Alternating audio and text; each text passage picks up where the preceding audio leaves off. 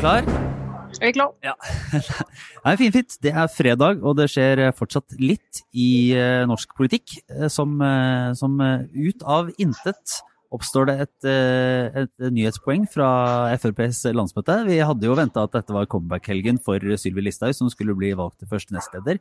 Men at hun skulle bli eh, utnevnt til ny statsråd, altså som eldreminister, eh, det var det ikke mange som hadde spådd eh, før i dag, Trine. Nei, det var jo ingen som hadde plukket opp. Det kom en sånn eh, hastemelding fra NTB om at det ble endringer i regjeringen. kom det derfra. Så det har ingen plukket opp. Det har gått under radaren. Og så begynte jo folk å spekulere da med en gang om det var det. Og i hvert fall når navnet hennes kom ut, så var det jo eldreminister. Så var det liksom det vi kunne tenke oss frem til, da. Men eh, likevel, her satt vi alle og var på vei til Frp-landsmøte. Dekket tall til Siv Jensen. Alt det vanlige. Se hva som skjedde på bompenger, litt på IS, kvinner og menn. Og så kom dette inn og bare satt en strek over alt det, og nå handler det om Sylvi Listhaug. Og det er jo ikke tilfeldig. Nei. Men eh, du er på Gardermoen på FrPs landsmøte. Et av de, det må si, eh, som en som har gått rundt på sånne landsmøtehoteller i, eh, i mange år, så er det noen som er mer interessante og stort sett morsomme enn andre. Og Frp-landsmøtet er ofte blant de som, eh, som er litt gøyale. Det er ofte litt trøkk og, og litt eh, Det skjer litt interessante ting. Det er mye spennende folk, mye klare meninger. Eh, hvordan er stemningen nå med, med, med, med kronprinsessen tilbake i folden? Du, det er topp stemning eh, for det. og Siv Jensen eh, kom jo inn på det helt på slutten av talen sin. Da kom hun inn på det, og det var, Da var det stående applaus. Det var liksom endelig Sylvi er tilbake. Så hun eh, er varmt ønsket velkommen av sine egne eh, som statsråd. Men eh, er det, jeg tror du hun kommer til å bli mer synlig enn Åse Michaelsen? Uh, skal vi se, du er mer synlig enn Åse Michaelsen, eh, Lars. Og alle er det. men, uh, Nei, altså- hva, hva, Nei, men det- hva er det det går an å få ut av den rollen? Ja? Hæ, nei, det Sylvi Listhaug kommer til å gjøre, da, som jo er en av hennes styrker, det er jo at hvis hun har noe som ligner på en plattform å snakke ut fra, altså en statsrådspost, en nestlederverv, eh, hva det måtte være, så bruker hun den for det det er verdt. Altså Hun begrenser seg ikke bare til sine egne saksområder. Hun bruker det for å snakke om alt mulig hun er opptatt av. og det det er utrolig viktig for Frp nå, da, som eh, for å si det mildt er nede i en bølgedal. Mm. Men er, det, er det en sånn eh, er det, er det er desperasjon? Var det dette den politiske seieren regjeringen måtte gi Frp, eller hvordan tror du det har vært planlagt lenge at hun skulle tilbake? Altså, jeg snakket med en uh, i regjeringsapparatet, som det heter, i sted, som sa at uh, det er jo flere grunner til at dette skjer. Det, det ene er jo eh, at det er praktisk å ha en nestleder fra et parti i regjering. og det er jo Alle de andre partiene har jo nestleder som statsråd. Det har litt med å dele på, på oppgavene på vegne av partiet. Så det ville de, For de har jo ingen fra partiledelsen i regjering unntatt Siv Jensen nå. Eh, Men det andre er jo og det var vedkommende veldig åpen om, at Frp trenger en boost. De trenger en politiker som kan eh, skape blest og oppmerksomhet rundt politikken. Og da er det ingen bedre enn hun, eh, sett med deres øyne. Så det, det har vært et argument for å få hun inn, og få hun inn nå. Men hvor mye er det Det, er- jo regler som tilsier at, at en statsråd i utgangspunktet ikke skal snakke utenom sitt eget felt. altså Man skal ikke bevege seg inn på Hvis du er olje- og energiminister, så, så, så skal du ikke blande deg i porteføljen til en, eh, en, en eh, statsråd på integrering, på en måte. Eh, Men betyr det Ja, at Sylvi Listhaug kommer til å forholde seg til de spillereglene, eller hvordan? Ja, hun kommer, sånn, nå leder hun jo det der innvandrings- og integreringsutvalget i partiet, som ikke er ferdig å jobbe. De skal jo jobbe videre. Så hun kommer jo til å sikkert ytre seg i kraft av det vervet og nestledervervet om forskjellige politikkområder, også innvandring. Um, og så husker vi jo fra forrige gang hun var statsråd, da hun gikk av den posten hun eh, la ut på Facebook om Arbeiderpartiet som eh, prioriterte tryggheten til eh, terrorister foran tryggheten til de aller fleste andre. Da var hun jo egentlig inne på Jan Tore Sanner sitt område. Så den gangen var jo statsråd, men lot seg jo ikke hemme av det da. Så er det mange som sier at ja, nå har hun lært, nå blir det helt annerledes. Eh, Det gjenstår jo å se. Er det, er det sånn at hun nå kommer inn eh, for dette er litt sånn redningskvinne? I hvilken grad utfører autoriteten til Siv Jensen? Er, hun litt sånn, er, det, er det litt to ledere i Frp nå, eller er det, er, er Jensen ubestridt? Altså, Siv Jensen er nok ubestridt, men det er jo litt sånn Folk snakker jo om at det ikke kommer til å vare evig, og at de har behov for å bygge opp nye profiler. og Sylvi Listhaug er, er, en profil, og de trenger ikke bygge henne engang, for hun er det bare allerede. Eh, men det skal i hvert fall Siv Jensen ha. det, og det er ingenting med hennes måte å snakke om dette på som tyder på at hun er annet enn galopperende begeistret for å ha Listhaug tilbake i regjering og tett på seg.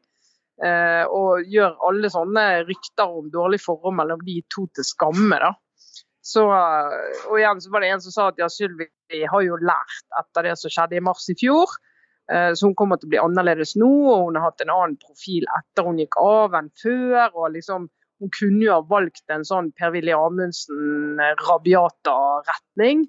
Eh, det gjorde hun ikke, hun har valgt en litt mer moderat retning. Så alt dette her, Nå kommer dette fra regjeringspartihold, så det, alt dette leses jo med stor interesse og med, med en klar agenda. da, må ja. vi jo vite. sant? Det skal sies, vi hadde jo en, eh, I Aftenposten så hadde vi en liten diskusjon i morges, og det var en debatt om eh, vi har hatt for mye Sylvi Listhaug, også fordi vi har den Jeg nevnte det i podkasten i, går, vi hadde en, større A-magasinsak som har fulgt Listhaug siden i høst. Eh, der man får liksom, Det kommer litt inn på hvordan eh, hun og teamet har tenkt. og Det er jo ikke mye, det er ikke mye anger å spore der, da, hvis man skal nevne det. Eh, men det viste seg vel at var, det var relativt god timing på dette likevel. For nå har hun altså, stjålet hele helgen. De er lei av Sylvi Listhaug, så de må bare stenge ned medier et par dager, tror jeg. Men de som er lei av Sylvi Listhaug, det, det, vet jo, det inkluderer jo noen av de hun nå skal sitte, om ikke akkurat rundt regjeringsbordet med, så i hvert fall i partiene til, til Venstre og KrF.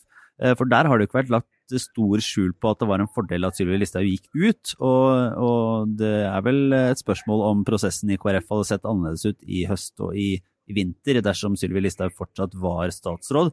Eh, hvordan ser du for deg at de tar dette her? De har vært foreløpig ganske avmålte i sine kommentarer. Ja, altså det er jo En del av de har nok vært forberedt på, for, altså forberedt på at dette kom til å skje. og Det, jo, det synes jeg er fascinerende at ingenting av dette har lekket ut.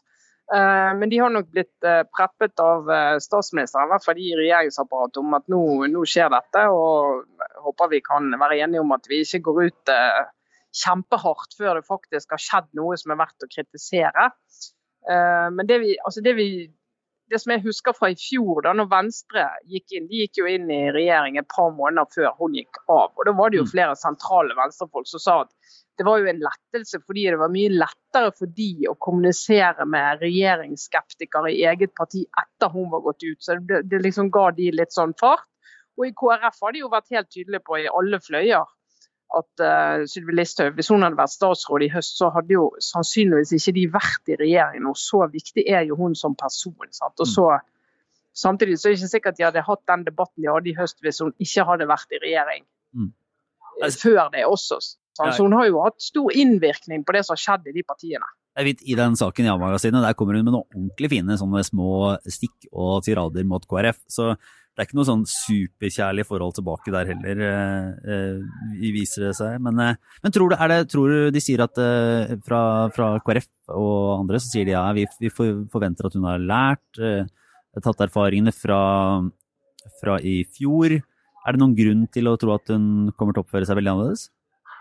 Ja, altså Hun har jo den boken var jo mindre sprengkraftig den hun kom i høst. 'Der andre tider' var vel tittelen på den. Mm.